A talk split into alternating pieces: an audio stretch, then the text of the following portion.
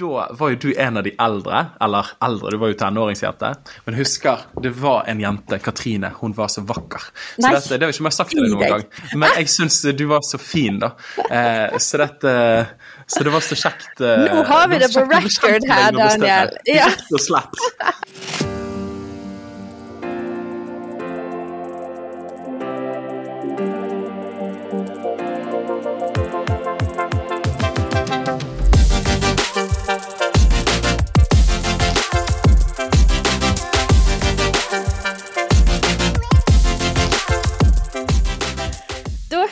Ønsker jeg alle sammen hjertelig velkommen til Mammas hjerte-podkast. Veldig kjekt du trykker på og har lyst til å være med meg. I dag er det bare meg. Beklager, folkens. Jeg må bare si det på vegne av hele oss. At dere Jeg vet dere savner Ingrid Anette, og jeg savner Ingrid Anette. eh, Men eh, hun kommer sterkt tilbake. Eh, Hun får seg en liten pause i høst, og vi henter inn et par sånn stand-ins som tar med er med i noen prater, og så tar jeg noen prater alene. Så jeg håper det går greit, eh, men, men som sagt, eh, ingenting er bedre enn når Ingrid Anette er med, for hun er fantastisk eh, sidekick å ha med. Nei, men i dag har jeg fått med meg en, ingen ringere enn min kollega i Tro og Media, Daniel Sebjørnsen. Hjertelig velkommen til Mammas hjerte-podkast. Yippee-ki-yay! Come on! Å, kjære tid. Dette her kan bli veldig spennende, for dette er meg og Daniel vi er begge to ekstroverte f-er. Eh, for de som kjenner til Myson Briggs i ETI. jeg har jo tatt den på deg, Daniel. Så Helt dette korrekt. kan bli eh, mye ekstrovert eh, entusiasme. Det er vi gode på. Å, det er helt sant. Er helt Du sant. er jo en som, som, eh, som lever på utsiden. Men jeg har ikke en Jeg vet ikke, jeg, hvis jeg skal liksom eh, Jeg oppfatter ikke at du bringer veldig sånn Jeg er veldig sånn Jeg bringer med meg inn i rommet det som jeg har på innsiden, og hvis jeg er sliten og trøtt, så, så er det en tordensky, på en måte. Men jeg har ikke inntrykk Kanskje du bare er bedre å lede deg sjøl enn det jeg er, men det er ikke ofte du bringer med deg noe annet enn bare pur glede og entusiasme. Eh, Hvordan er det? Preger du ditt eh, de rundt deg, de nærmeste, kanskje Helene blir, kan, er uenig med meg, da. Hva tror du?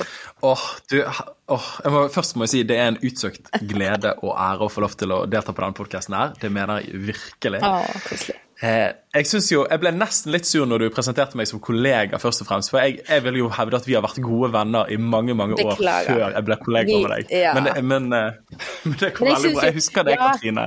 Ja, men vi er jo venner. Men, men jeg syns jo det er veldig stas å få være kollega. For dette, det betyr jo at vi har mer med hverandre å gjøre nå enn vi noen gang har gjort.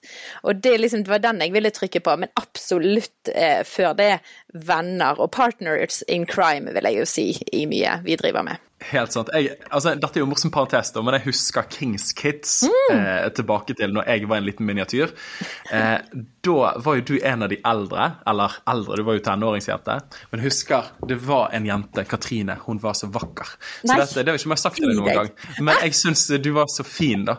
Eh, så dette Så det var så kjekt eh, Nå har vi var det på kjekt record her, Daniel. Ja. Rett og slett. Du var var litt Daniel fire år gammel. Rett og slett, ja. Og din bror Ruben som spilte trommer. Ja. Det var bare crazy. Så jeg begynte å spille trommer mye på grunn av eh, han. Ruben, ja. ja. Han var god. Han var en kul gutt på den tiden, så jeg, skjønner du så opp til han, altså. Nei, men så gøy å høre, da. Ja, For å svare på spørsmålet, hva, hva, hvordan opptrer du og preger miljøet rundt deg med hvem du er? Og vet du hva, det er Jeg tror jeg, Hvis jeg kan være litt ærlig, så når jeg gikk på barneskolen og ungdomsskolen, eh, og for så vidt også videregående, så opplevde jeg meg faktisk litt skeitete som person.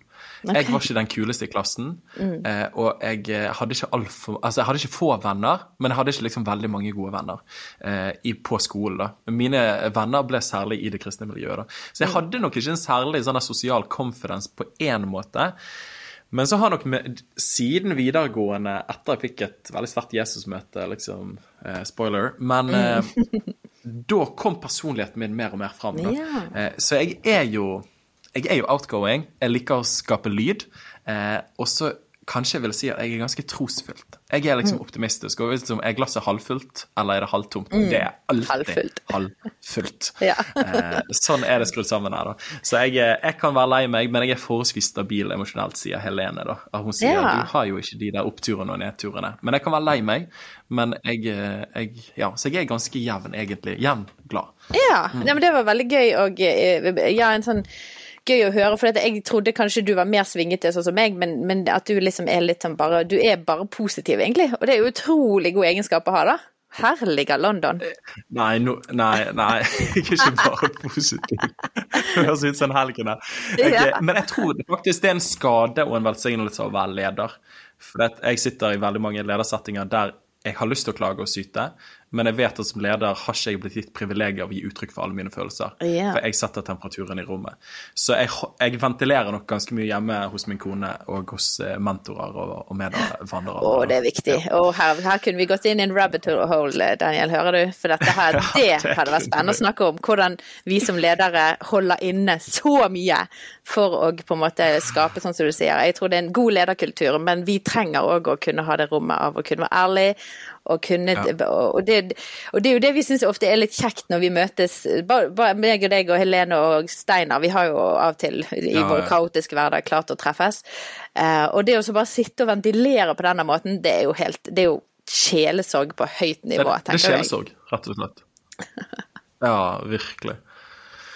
Så ja, kanskje vi må gjøre en episode om det en gang. Sånn- Ja, det får vi ta en episode om. Eh, men jeg tror at eh, nå, nå hoppet jo vi rett inn i liksom, Jeg syns jo det er gøy å bli kjent litt sånn på, på baksiden av hele den der faktagreien òg, men vi må jo ta med faktadel også.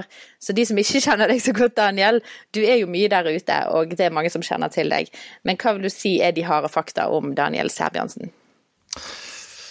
Åh, jeg husker da jeg var ung, så Det var mye jeg husker. Jeg begynner å bli gammel sikkert da. Men, Ja, eh, det er et tegn til aldring.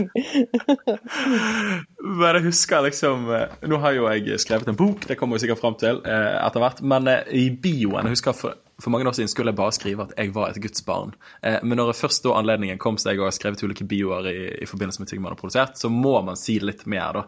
Eh, men jeg ville ikke at min identitet skulle henge fast ved de tingene jeg gjorde.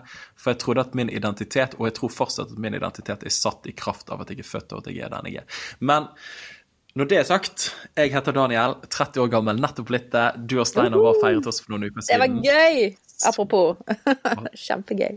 Du sang som en dronning eh, på eh, grip, grip the mic, eller Grip the mic, eller Jeg kunne ikke én av sangene. Du sto helt frø, frø, frø, frøsen, frosten bak og ikke kle- skjønte noen ting, tror jeg. Men, eh, men det var gøy, altså. Vi hadde Grab the mic som en lek, og vi skulle hive oss på. Jeg var veldig imponert over noen av disse vennene dine som kunne tekster på rams. Altså, det var wow.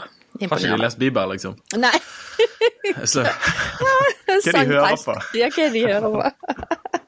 Oi, oi, oi. Ja, men, Men, mer eh, eh, men ja, 30 år gammel. 30, gift med min eh, livskjærlighet Helene. Eh, Vi har vokst opp sammen og ja, eh, har likt henne siden jeg var liten. Fikk henne til slutt når jeg var 20 år gammel. Eh, Vi har vært gift nå i seks pluss år. Vi har to barn. Anna på fire, Jakob på to. Og så venter vi kiddo nummer tre 1. februar-termin, så det er veldig kjekt. Så de intense velsignelser er det jeg pleier å si. Det er en Ja. fin måte å si at det er superslitsomt og utrolig rikt på samme tid. Veldig fint Eh, sagt. Ja, og så Utover det så har jeg og Helene sammen med mange gode venner startet eh, en menighet her i Åsane som heter Passion Åsane. Eh, har min bakgrunn fra Kristkirken i Bergen sammen med Katrine og Steinar bl.a. Eh, og utover det så leder jeg preach-arbeidet i tro og media som handler om å nå unge mennesker på sosiale flater med en fortelling som setter fri og ikke setter fast. Eh, og så reiser jeg eh, mer og mer ja, jeg har vel reist i en del år som en sprettball eh, med å fortelle om Jesus. Og så har jeg podkastene Liv og lederskap eh, og eh, Preach og, eh, og på podkast. Jeg føler jeg er så svulstig å si disse Nei, tingene her. Du, du skal være ærlig, og her skal ikke vi ha noe falsk ydmykhet. Altså, du er jo en kjempe... Altså, det er jo, det er en kjemperessurs i Guds rike. Du, du har jo gitt livet ditt og jobber for Han og med alle dine talenter, og du er talentfull, og du bruker Spesielt i språket syns jo jeg at du er helt magisk å høre på når du legger frem nesten poetisk Um, og så bare det at du har lest hele Nytestamentet på podkast, og folk kan sitte og lese, og det vet jeg er det så mange som blir velsignet av. Og så nå driver du med, med Gamle testamentet, du leser gjennom hele Gamle testamentet for folk, sånn at de kan få det rett inn i ørene. Tenk på Ja, det er en gave til mennesker, da. Er, hvordan, hvor langt er du kommet på GT nå?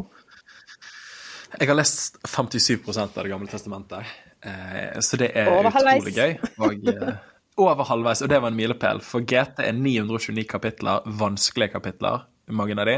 NT er 260 kapitler, forholdsvis enkle. Så det har tatt mye lengre tid enn NT og det jeg trodde, da. Men eh, det blir verdt det. Ja.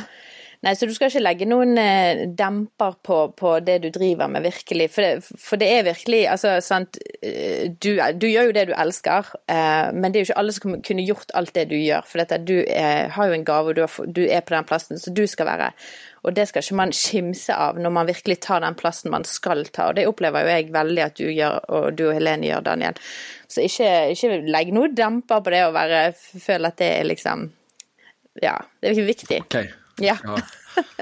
Jeg kan fortelle enda mer. Skal jeg si enda mer? ja, hva andre ting? Har du noen nye prosjekter du driver med?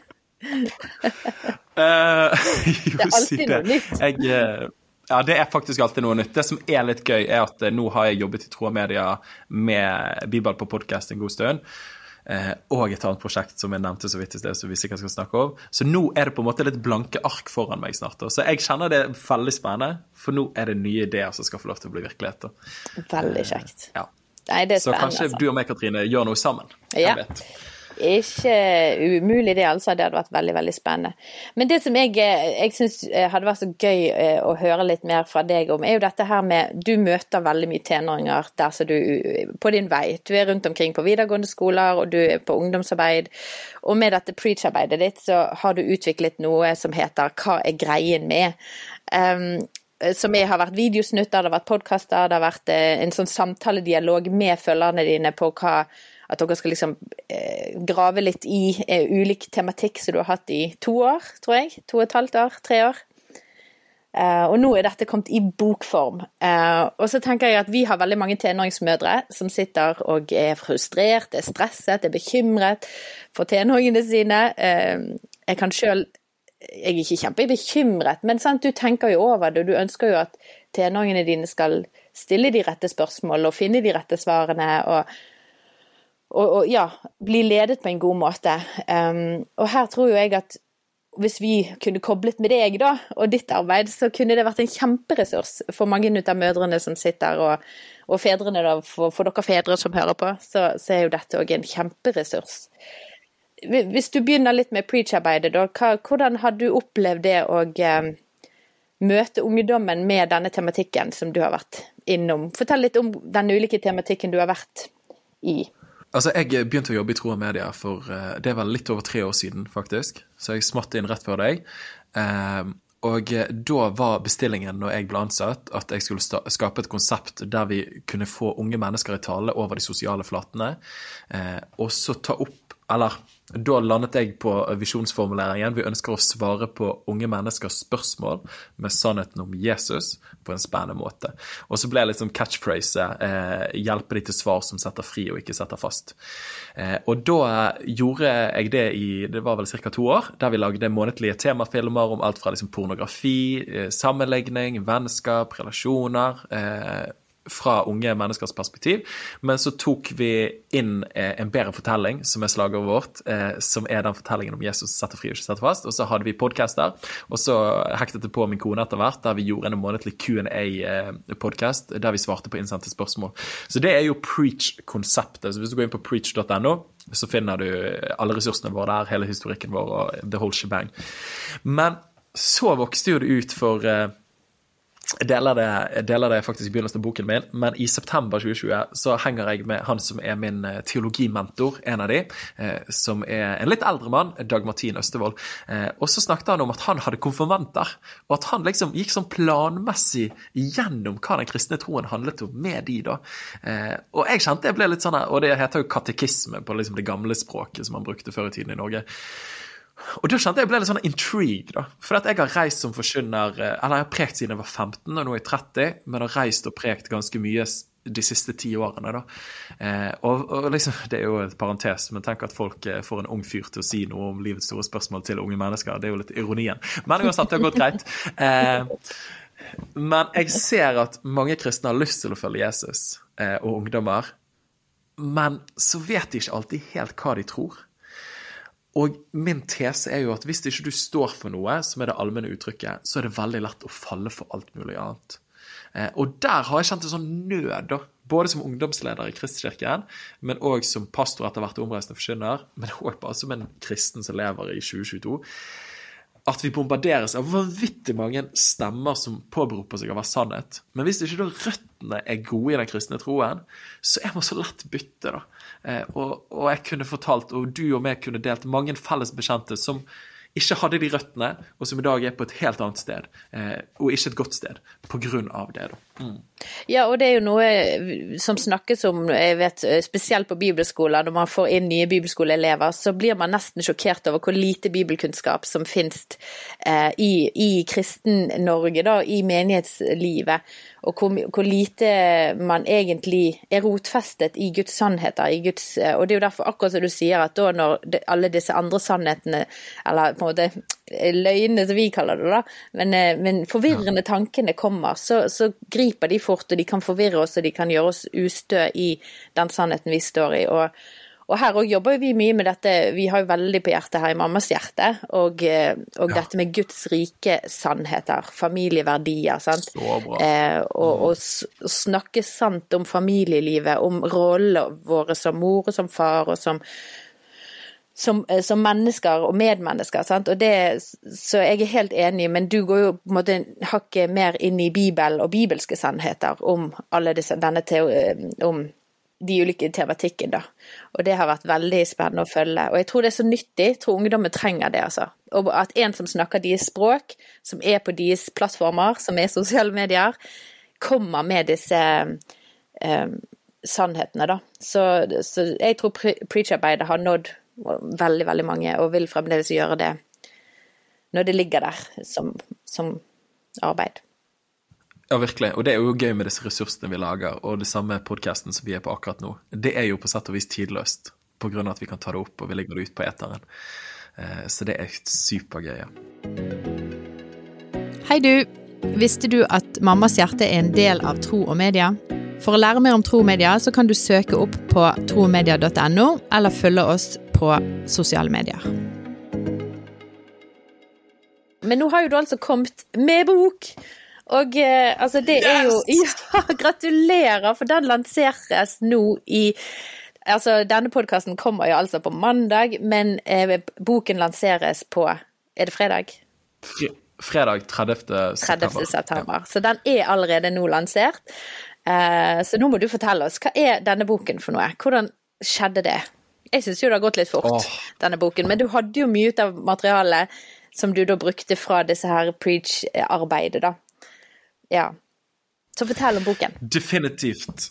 Altså, Historien begynner å bygge på hele den eh, erfaringen min både som omreisende forkynner, men òg som, eh, som, ungdomsleder og, og arbeider i Preach, med at jeg ser at mange mennesker som har lyst til å følge Jesus, men de vet ikke helt hva de skal tro, men de presenteres for mange ulike løgner med sannheter i hermetegn, som blir presentert og sier at dette er veien til det gode liv, men som vi som har et kristent verdenssyn, vi må stoppe opp og si at det er ikke sant. Eh, det finnes en bedre vei, da. Så da begynte jeg, ut ifra den samtalen jeg hadde med han teologimentoren min, som han ikke var klar over. Men jeg tenkte vi må lage en digital katekisme. Eh, og katekisme er bare latinsk, hvis jeg ikke tar feil, dette burde jeg kunne, det er latinsk, eh, som, som, betyr undervisning, eh, og som er en sammenfatning av de sentrale sannhetene i den kristne tro. Mm. Eh, og dette brukte man på skole i Norge i flere århundrer for å lære folk opp i hva tror vi når det kommer til Gud, hva er mennesket, hva er livet. Ehm, men der har vi som kristne i dag ikke vært så planmessige i vår trosopplæring og i vår trosformidling. Da. Så da tenkte jeg vi må lage en digital katekisme. Og da bare tenkte jeg hva skal vi kalle det? Og da ble det hva er greien med? Spørsmålstegn. Og det er jo litt sånn bergensk, da. In your face. Eh, og jeg, jeg, fikk liksom tilbakemeldinger og litt eldre pastorer og sånn. Nei, dette her er jo litt grann eh, uhøytidelig for å snakke om sannhet og så har med Gud å gjøre. Nå hørtes veldig ut som Jarle. Var det Jarle som sa det? Nei. Han var faktisk en av de som var for at vi skulle ha det litt sånn uformelt. Ja. Eh, så da er det Hva er eh, greiene med? Eh, understrek, spørsmålstegn. Og så har jeg tatt to spørsmål. Hva er greien med Gud? Hva er greien med Bibelen? Hva er greien med at Jesus døde på korset? Hva er greien med himmel og helvete? Hva er greien med kristen moral, ikke minst? sant? Der kan du jo lage mange podcaster og få mange sinte leserbrev. Eh, og bare tok disse store eh, kristne sannhetene og presenterte de i spørsmålsform, som forhåpentligvis vekket interessen hos mennesker. Jeg har fått masse god tilbakemelding i løpet av de siste årene når jeg har kjørt eh, denne runden. 12, eh, de tolv store sentrale sannhetene i den kristne tro. Eh, gjorde filmer hver måned på det. Eh, gjorde Q&A-podkaster med innsendte spørsmål. Fikk inn en ekspert som snakket hver måned om de ulike temaene. Og så slo tanken meg hvorfor ikke lage en spin-off av alt dette materialet i en mm. bok? Eh, og jeg tenkte at det var bare å sende alt til forlaget, og så var det gjort. Eh, den gang ei. det har nå gått fort allikevel, syns jo jeg, da. Men, eh, ja, men, du har jo måttet jobbe en del gjennom sommeren for å gjøre ferdig den teksten. Virkelig. Så klart. Jeg hadde en hel del fra før. Men jeg, jeg, skrev i går 'Hva har du lært, Daniel, etter å ha gitt ut en bok?' For jeg fikk den i posten i går kveld, altså mandag 26.9. Eh, og da skrev jeg 'Ting tar lengre tid enn du tror'. Men det er en grei livsvisdom å bare ta med seg generelt, eh, Daniel. Ting tar lengre tid enn det vi tror. det er det jeg forstår når jeg er 30. Ja. Så, eh, så Nei, så, så, boken er mye mer enn filmene. Eh, fantastiske innledningskapittel der jeg løfter opp viktigheten av en planmessig trosopplæring og trosformidling. Eh, og tolv kapitler da om de sentrale sannhetene i den kristne tro. Og dette er jo sånn som du sa, jeg syns det var så digg du sa, Katrine, i møte med at det er mange tenåringsforeldre som hører inn her. Eh, men denne boken er skrevet for den våkne konfirmant eh, og mm. konfirmanter, og egentlig ikke opp til 30 år gammel. Eh, men jeg vil være så frimodig å si at de som er over 30 år òg trenger å få en innføring i hva den kristne troen handler om. Så egentlig er det for alle generasjoner, men skrevet på et ungdommelig, lettfattelig språk. Eh, yeah. ja. Kjempe. Altså, det er så bra, og det er så gull at noen eh, får dette på hjertet. Jeg tror det sitter mange og ber om at det skal komme ressurser, det skal komme ting. For det, det er gjerne ikke gitt at alle Ola Nordmann kan plutselig dikte opp noe sånt, da, men her har jo du fått en enorm gave til å formidle og bruke det språket og tale inn og være relevant da, i tiden, i kulturen, og møte og treffe disse ungdommene. Så så jeg mener jo at dette er en must read konfirmantgave til absolutt alle konfirmanter du skal nå i, i, burs, i, i fest til eh, fremover, folkens. Så er dette gaven, altså. Sammen med en bibel, da. Men jeg mener jo at dette er utrolig viktig at ligger på nattbordet til en konfirmant de, eller til en tenåring generelt. Uh, og kan, at de kan få lov å pløye gjennom den, stille de gode spørsmålene. Kanskje det kan bli til en samtale, dialog rundt boken i hjemmet. Um, nei, veldig, veldig bra, altså. Og, og kan du bare smette inn der? Sn, sn, sn, snapp inn. jeg smetter inn. Det, jeg er ikke så god på å snappe, men uh, det er mange år siden jeg ble spurt om å være på mammas hjerte. Ingen bitterhet, men jeg bare sier det. Eh, men... det, var, det, betyr at den dagen den var ikke Nei da. ja da, ja da, vi hører. Så, Eh, dere hører at jeg egentlig vil. Men eh, Nei, nå tøyser jeg bare. Dette, dette, er gøy. Men eh, hva er greiene med Det er et konsept mer enn bare en bok. Så vi har en nettside som heter hva er greien med.no. Eller hva er greia med.no hvis du er fra Østlandet og ikke fra Bergen. Og i denne boken, på enden av hvert kapittel, så er det bibeltekster, så de kan slå opp sjøl hvis de vil studere. Det er samtalespørsmål eh, som man kan ha med barna sine, eh, eller eh, i en bibelgruppe. Han er godkjent av K-stud, som betyr at eh, du kan få penger for å gå gjennom disse spørsmålene i smågruppen eller med ungene dine. Og så på denne nettsiden Hva jeg regner med, der finnes det masse ressurser, både filmer og flere podkaster på hvert emne.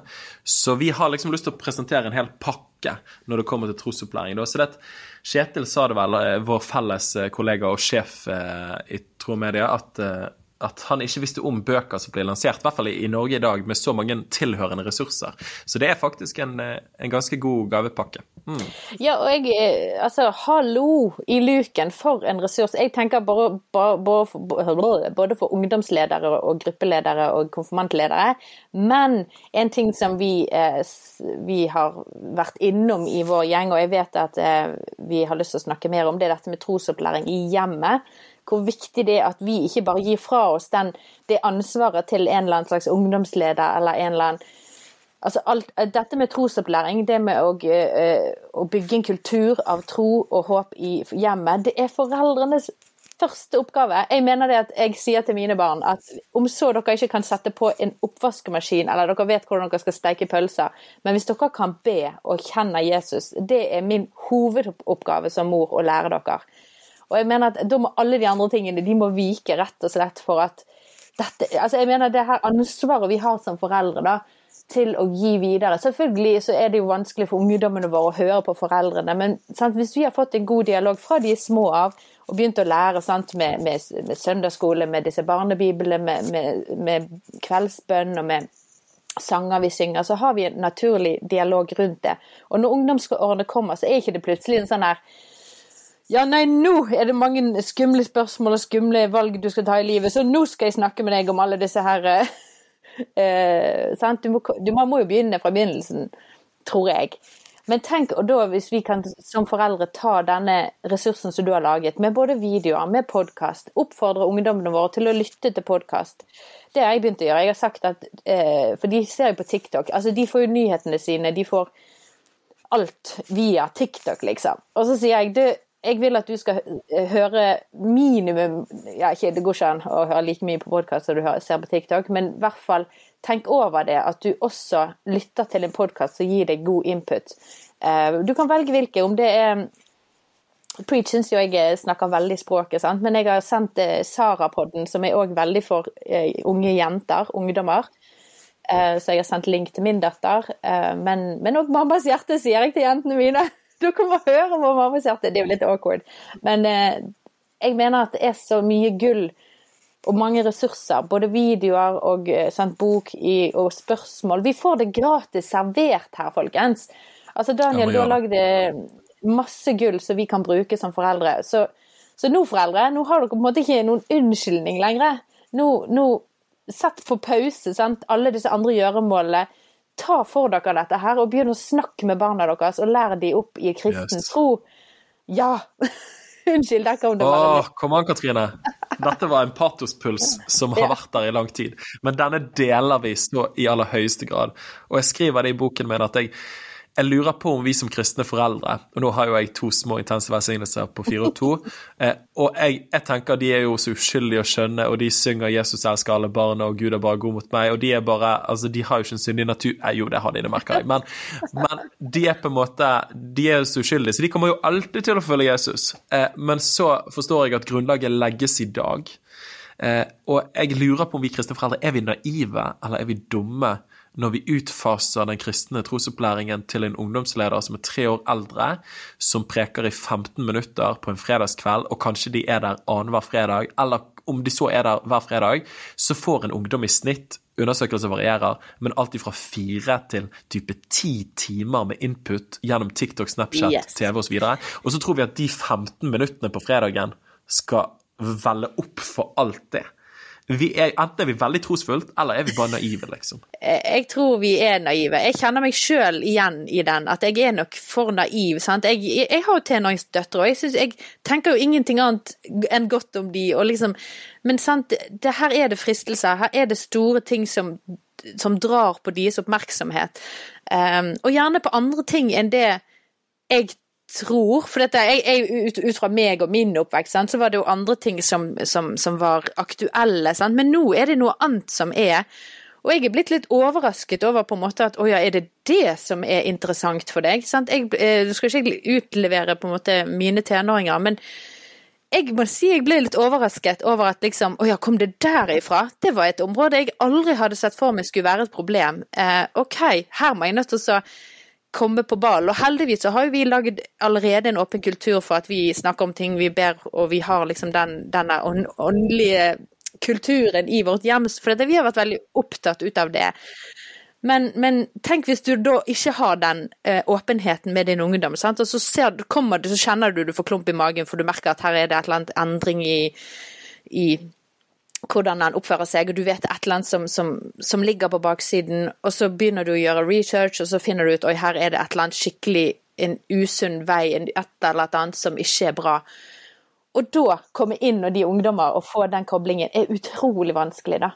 Jeg tror på at det går an, og at man skal absolutt ta det på alvor. Men man må, man må, vi har òg veldig mye småbarnsforeldre som vi hører på, så jeg bare vil igjen si at det er så viktig å begynne ifra Jesus alle elsker, elsker alle barna og barnebibel og kveldsbønnene, og få inn yes. kulturen av at vi snakker sammen, vi ber sammen. Vi, det, er en, det, er en, kultur vi har i hjemmet vårt. Um, og her igjen, sant? Jeg, jeg, jeg, pusher jo og mener jo at andre ting må vike for at dette skal være noe vi har energi til, kapasitet til, og prioriterer i hjemmet. Da, da må andre aktiviteter forsvinne hvis det tar plassen til den tiden man har som familie. Da. Jeg syns jo koronatiden var fantastisk på akkurat det området her. At, at vi fikk eh, Og vi brukte virkelig den muligheten. Vi fikk eh, alt ble strippet. Hverdagen ble liksom kun kjernefamilie, masse tid. Vi var stuck til det irritable oppå hverandre. Sant? Altså, det var jo, og det var mange som sa at familier som hadde det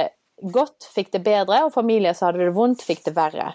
Uh, og jeg tror man fikk en mulighet i hvert fall til å ta noen valg i den tiden hvor man, man var isolert, til å gjøre og da begynte vi med en times bønn og lovsang hver morgen før vi begynte med skole. For da var jo skole litt sånn at eh, du, du, skulle være der klokken ni, og så skulle man på en måte få noen oppgaver man jobbet med resten av dagen og sånn. Jeg syns det var utrolig gull, og, vi, og, en unik mulighet å bruke da, til å bare skape den kulturen som vi vil ha i hjemmet. da. Wow, fantastisk. Snart å høre, Katrine. Jeg, jeg, jeg deler akkurat samme erfaring. Eh, og jeg må si, hvis jeg kan være så ærlig, at eh, at når ungene er spedbarn Nå er jo jeg litt i den fasen dere har vært i, men ungene er spedbarn, du tenker ikke på trosopplæringen. Og det var nok en dag jeg våknet litt og kvapp litt. Oi, nå er jo Anna to, snart tre år gammel. Oi, vi har ikke en planmessig tilnærming til hvordan å oppdra en kristen forsakelse tro. Som gjorde at jeg og Helene måtte sitte oss ned og si OK, eh, men Familien er den viktigste menigheten hun kommer til å være en del av. Det er vi som har trosopplæringsansvaret. Eh, det er ikke Nå er jo jeg pastor òg, så dette blir litt sånn dobbelthatt, jeg og Helene der. Men, eh, men, da, OK. Det vi gjør da, da leser vi andagsbok eh, til frokosten. Og jeg hadde med Jarle Valdemar på Liv og lederskap-podkasten min en gang. Og han sa noe veldig bra. Han sa at i vårt hjem så har en barnebibel som har slengt rundt omkring, aldri vært rot den skal få lov til å legge og slenge overalt. Det er ikke rot. Sånn skal det være. Og det syns jeg var så bra sagt. da. Eh, så dette, vi har andakt om morgenen. Eh, vi, har, eh, vi leser Bibelen på kvelden, og så synger vi alltid på kveld, og så ber vi for dem og lyser velsignelsen over dem. Ikke, Det krever ikke mye, men vi lagde bare sånne noen rammer, så i hvert fall det blir hver dag input både morgen og kveld. Og så er vi alltid Vi ber til Gud eller synger vi, rundt måltidene. Og nå, nå skal ikke jeg høres ut som en gammel pietist der, men jeg blir forskrekket av og til når jeg besøker venner som jeg deler troen med, og som er aktive i menighet men man synger ikke eller ber før man spiser. Mm. Eh, no, ingen fordømmelse, men jeg kjenner jeg syns det er en sorg. For trosopplæringen finner sted i de vanlige, monotone øyeblikkene i løpet av en dag. Du må gripe dem. Veldig godt sagt, og en god oppfordring der. Bevisstgjøring av Men sant, hva tenker du da, Daniel? For det er jo veldig sånn eh, nå, nå, skal jeg ta på meg liksom den andre hatten, da. For det er jo veldig mange som mener ja, dere driver med hjernevasking, sant. Og, eh, og eh, barna må få lov til, sant, i denne eh, samfunnsånd, få lov å velge sant, sin egen vandring, vei, tro. Eh, hva tenker du om de som kommer og ser på måten vi velger å glede familiene våre på, som hjernevaskende, som sekterisk og eh, Ja, hva tenker du om det? For jeg vet det er mange som hører på som syns at det her er drøyt. Eh, og det, jeg skjønner at de syns det, for vi, vi, lever noe helt annet enn det samfunnet og kulturen vår sier. Men vi har jo òg et veldig en, en, veldig mening bak og grunn, grunnlag for hvorfor vi gjør det, da. Men hva, hvorfor gjør vi det? Eller hva, hva ville du svart en som syntes at det var litt sånn voldsomt? Og der må jeg si, jeg, må, jeg deler samme som deg der, at jeg kan forstå at folk syns det høres intenst ut og veldig eh, påvirkende, og kanskje noe vil bruke ord manipulerende. Ja. Og, og, og, påvirke den formative fasen barnet, til barnet på denne måten her. Eh, Samtidig, jeg husker jeg det jeg pleide å si på ungdomsskolen. Ja, dere er jo helt hjernevasket, fikk vi høre hvis du var veldig på Jesus. Så jeg ja, men det er bedre med en vasket hjerne enn en skitten hjerne. Eh, så det var vårt comeback da. ja, det er godt sagt. og det tror jeg fortsatt på. Eh, men faktum er at eh, alle mine venner som hører på, det er ingenting som heter nøytral grunn. Så det er at enten er du med å definere hva dine barn blir eksponert for, eller så er det TikTok, Snapchat og Instagram og den sekulære samtiden og undervisningsplanen på skolen som definerer hva din barn blir eksponert for, og som da ender opp med å tro og leve. Eh, og faktum er at det som Utdanningsdepartementet foreskriver til de ulike skoler, er preget av ideologi, det er preget av verdiforståelse. Alt sammen er preget av verdi og et verdenssyn i bunn. Så det er ikke noe som heter nøytral grunn, og den myten må vi bare stikke hull i. Så hvis du sier at vi indoktrinerer våre barn, så vil jeg vende tilbake og si at dine barn blir allerede indoktrinert av noe. Jeg kontrollerer i hvert fall hva mine barn blir indoktrinert med. Mens du har nok overlatt det til tilfeldighetene og til, sorry for å si det, men tullete og umodne influensere på de ulike sosiale flatene som ikke leder de til et sted du mest sannsynlig har lyst at de skal ende opp. Eh, så dette, der tenker jeg at vi bare må være frimodige. Eh, og så må jeg si at det handler ikke om at vi bare har lyst til å oppdra barn i liksom kristne verdier for at vår interessegruppe skal bli stor. Nei, her må det sies at jeg ønsker å oppdra barna mine i tråd med det som er virkeligheten. Vi mennesker har det godt når vi lever i tråd med det som samsvarer med virkeligheten. For eksempel, eh, hvis det er et stup et sted, så vil jeg at ungene mine skal vite at virkeligheten, her er det et stup. Hvis vi sier, pga. at det er politisk korrekt å si at det er ikke et stup der, eh, der er det helt trygt å gå, men de da går utenfor og ender opp med å få miserable konsekvenser, da har jeg sviktet i kjærlighet til mine barn. For at kjærlighet er å oppdra sine barn i tråd med det som er virkeligheten. Og der er vi kjempefrimodige. Jesus sier Johannes 8,32, nå begynner jeg å preache litt der, men han sier at dere skal kjenne sannheten. Ja, det. Og det ordet sannhet på gresk der, Ja. det kan oversettes med virkelighet. Dere skal kjenne virkeligheten, og virkeligheten vil sette dere fri. Så hvis du da lever i tråd med virkeligheten, så leder det til et godt liv. Og den kristne lære kunne du bare sittet er lik virkeligheten. Eh, så det, jeg, jeg vil mine barn det beste. Derfor ønsker jeg å gi det Jesus. Ja, nei, og der var du innom Vet du hva, det var veldig godt eh, sagt og eh, forklart, syns jeg, Daniel. For det er veldig mange som syns at akkurat de der det, det grålandskapet, eller den på en måte eh, forståelsen, er så vanskelig, for det, det er så pushet fra eh, andre steder av at liksom nei, du skal ikke være med og prege barnet ditt, jeg skal få lov å velge alt sjøl, og ja, la, la, la, la.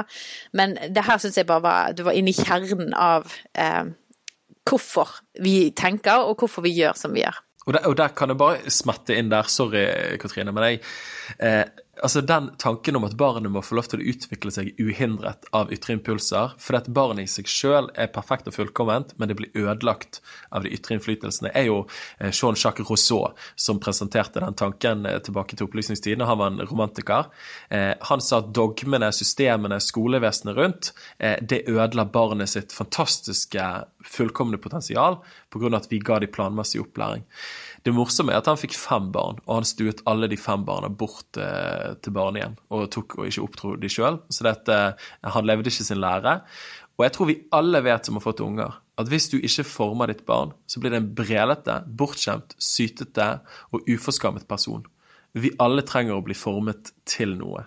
Eh, vi bærer ikke en sånn fullkommen fasit i oss sjøl. Derfor må vi forme dem i tråd med virkeligheten, som er lik Jesus Kristus. Preach. Dere skjønner folkens hvorfor uh, Daniel sitt arbeid heter Preach, sant? det, det, det, er bare sånn det må være. Nei, men det var veldig godt uh, tatt oss med inn i den, uh, det perspektivet på det, da.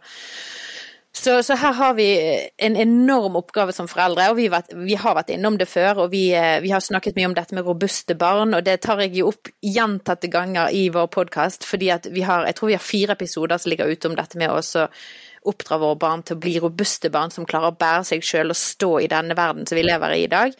Um, og dette her tror jeg òg spiller veldig tråd i tråd med det, da. Um, og, og, lære barna virkeligheten, skape den kulturen på hjemmebane, og la det og, og der igjen så føler jo jeg at min stemme inni her blir viktig at andre ting må vike for at dette For det er tingen at vi kan oppslukes så mye ut av at dette må du gjøre, det er viktig å og, eh, Altså, man kan være opptatt av skjermtid, man kan være opptatt av trening og aktiviteter, man kan være opptatt av eh, familiebesøker og, kan, og, menighetsliv, det òg er jo bra for så vidt. Men, men, jeg mener at hvis alt dette her eh, tar vekk tid ifra det som du òg sa så godt, at eh, kjernefamilien er den første og viktigste menigheten. For menighet er jo lik familie for barna våre og at vi på hjemmebane skaper en kultur av at Ja, du, du må tenke litt igjennom, sånn, sånn som du og Helena setter dere ned. Ja, hva er, vi, hva er, det vi, vil skape på hjemmebane her? For meg, meg og Steinar har gått gjennom dette, og vi har liksom Det er viktig for meg, da. Har, en av de tingene jeg har båret og hatt veldig behov for å skape, dette med takknemlighet og hvile.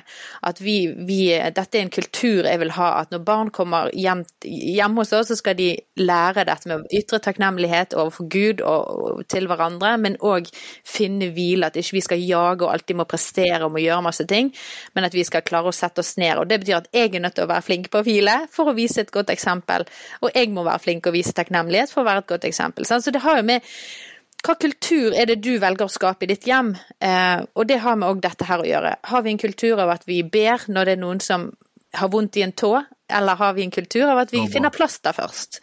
Eh, og ringer legen først, sant? Um, man skal alltid ringe en lege når det er noe alvorlig, absolutt det er ikke det jeg sier, men jeg mener hvor, hvor, hvilke baner trekker vi først, eh, og skaper vi først eh, hos barna våre, da. Så Veldig godt fokus. Og, eh, og, apropos igjen denne boken som er nå nylansert, og de ressursene, de tror jeg mange vil gå inn og bruke seg av, Daniel. Eh, så kan du si de nettstedene igjen, så folk bare løper inn og kjøper og bruker. Hva koster boken, forresten? Han koster egentlig 299, eh, men du får den til 262, tror jeg. Hvis du kjøper den på du kan enten gå inn på troogmedia.no, eller så kan du gå inn helst på hva er greien med.no. Eh, der finner du den. Ellers kan du gå på min Instagram, Daniel Sæbjørnsen, eller Facebook. Altså, du finner den overalt. Vi har spammet the whole internet. Eh, så det, it's, it's coming there. for you, eh, faktisk. ja, virkelig. virkelig. Du må nesten unngå den hvis ikke du har lyst til å kjøpe den. Så nå har vi, eh, nå har vi lagt den ut i Mammas hjertekanaler også. Fordi at vi vil heie på dette, vi vil backe dette, vi vil oppfordre foreldre til å bruke seg av dette kjemperessursnettet som dere har laget. Så, så igjen, tusen takk Daniel for jobben du gjør, for, um, for, innsatsen du legger ned i det, og for hjertet du bærer for denne generasjonen som vokser opp. Det er, er unikt, og det er kjempebra og kjempeviktig. Tusen, tusen takk. Takk for kjempemange fine ord og en utrolig gøy samtale. Dette var utrolig kjekt det var det. det. Vi kunne jo holdt på i evigheter, men sant? vi må jo òg gå til en avrunding snart. Men takk for at du tok tid i din travle hverdag. Du sa jo før vi satte på knappen her at å, Katrine, jeg er så trøtt i dag. Men så sa jeg jo, for å gå inn i den til slutt, da, at eh, det er ikke lov å klage når vi ikke klare å legge oss. Jeg, meg og deg er helt like der, og vi er utrolig dårlige på å klare å gå og legge oss. Men da har vi liksom ikke noe lov å klage dagen etterpå, da. Men jeg skjønner at du er veldig trøtt. Ja da, det er jo sånn som du sier, eh, ristegen rumpe. Eh, ja. Jeg har vokst opp med et litt styggere uttrykk, ristegen ræv. Eh, det er faktisk det det er, da. Men, eh, men, jeg må si jeg får veldig mye energi av å få lov til å holde på med de tingene jeg holder på med. Så dette det er rart med det. Dere har helt sikkert snakket mye om søvn og barn. Men eh, du klarer deg med mye mindre søvn etter du får barn. Det er helt utrolig. Det er et mirakel. Man blir litt sånn uh, high på livet uh, og klarer Vi blir super Og det er ikke tull engang. Man blir litt supermennesker i småbarnsalderen. For da må du stå ut, og dine grunnleggende behov er frarøvet, men så må man ytre liksom allikevel på jobb og i relasjoner og klare ja. å lime alt dette sammen. Så man blir litt supermennesker, mener jeg da. man blir det. Blir det. Og takk og pris for det. Og så håper jeg ikke det er sånn hele livet. Eh, jeg tror ikke det. Jeg skal ikke ha små barn hele livet. Definitivt. Ja, men jeg, jeg er jo kommet inn i neste fase, Daniel, og da skal jeg love deg. Ja. Det, er en, det er en fase. Det kommer en tid i livet hvor dere får tid for dere sjøl, tid til å sove, tid til å gjøre andre ting. Og ja, nei, jeg bare jeg, Vi er i en veldig god fase nå eh, på akkurat det. Så vi kjenner på overskudd, vi kjenner på mer tid i parforholdet. Det er så mye som blir spennende eh, når man, ungene blir større, så bare gled dere og deg til det. Altså, vi har jo en bursdagsgave, eh, og, og får lov til å velge ut en kjøttrett og komme hjem til dere og spise den Yes. før jul hvis vi får det til. Det, Så vi får se om vi får lære tips og triks vi, hvis vi klarer det. Det gleder vi oss til. Nei, men lykke til med, med lansering og boksalg, Daniel. Og så snakkes vi eh, igjen veldig snart. Vi skal faktisk på stabsmøte nå om to minutter, så vi, så vi må avslutte her. Men, eh, men takk til deg og tiden din, Daniel. En glede. Veldig kjekt å få lov til å være med her. Og takk til deg som lyttet på. Vi høres i neste episode. Ha det godt!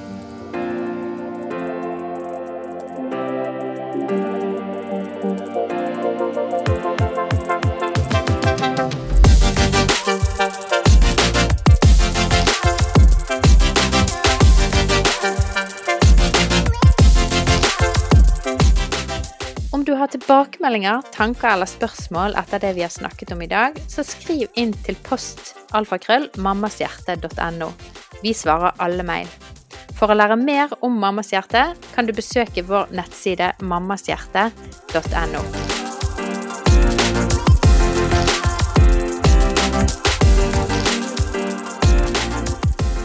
Denne podkasten er laget i samarbeid med Tro og Media og Familiesenteret i Bergen.